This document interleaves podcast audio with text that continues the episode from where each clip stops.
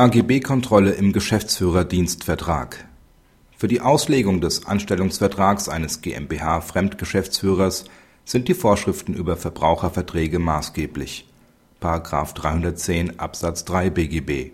Zwischen den Parteien besteht ein Geschäftsführeranstellungsvertrag, auf dessen Grundlage der Kläger als Fremdgeschäftsführer für die Beklagte tätig ist.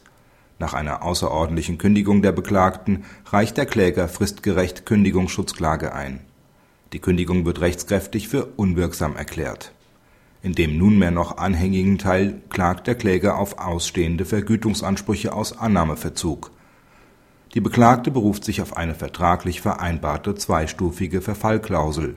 Danach habe es der Kläger versäumt, die Annahmeverzugsansprüche rechtzeitig gerichtlich geltend zu machen. Das BAG hält die geltend gemachten Ansprüche dem Grunde nach für begründet die Vergütungsansprüche sind nicht aufgrund der zweiten Stufe der vertraglich vereinbarten Ausschlussfrist verfallen. Da es sich um von der Beklagten vorformulierte Vertragsbedingungen handelt, unterliegt die getroffene Vereinbarung den Auslegungsregelungen für allgemeine Geschäftsbedingungen. Unerheblich ist, dass der streitgegenständliche Vertrag gegebenenfalls nur zur einmaligen Verwendung von der Beklagten bestimmt war, denn es handelt sich um einen Verbrauchervertrag für dessen Auslegung die Sonderbestimmungen des § 310 Absatz 3 Nr. 2 BGB maßgeblich sind. Der Abschluss eines Geschäftsführeranstellungsvertrags ist für den Fremdgeschäftsführer weder eine gewerbliche noch eine selbstständige berufliche Tätigkeit im Sinne von § 13 BGB. Maßgeblich für die Einordnung einer beruflichen Tätigkeit als selbstständig in diesem Sinne ist vor allem der Umstand, dass die Tätigkeit im eigenen Namen, auf eigene Rechnung und im eigenen Verantwortungsbereich ausgeübt wird, so dass der Handelnde das wirtschaftliche Risiko unmittelbar selbst trägt.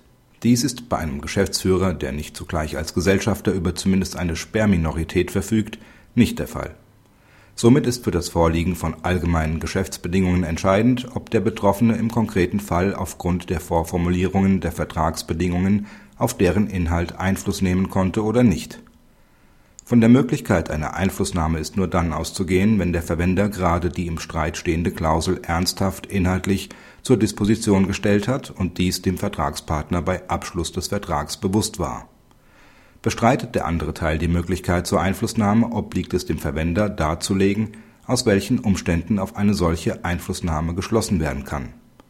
Diese Darlegungslast hat die Beklagte im Streitfall nicht erfüllt selbst wenn die Parteien im Streitfall die Laufzeit und Vergütung gegenüber dem ursprünglichen Vertragsentwurf geändert haben, lässt dies nicht den Rückschluss darauf zu, dass die Beklagte auch die Regelung der Verfallfristen ernsthaft zur Disposition gestellt hat oder stellen wollte.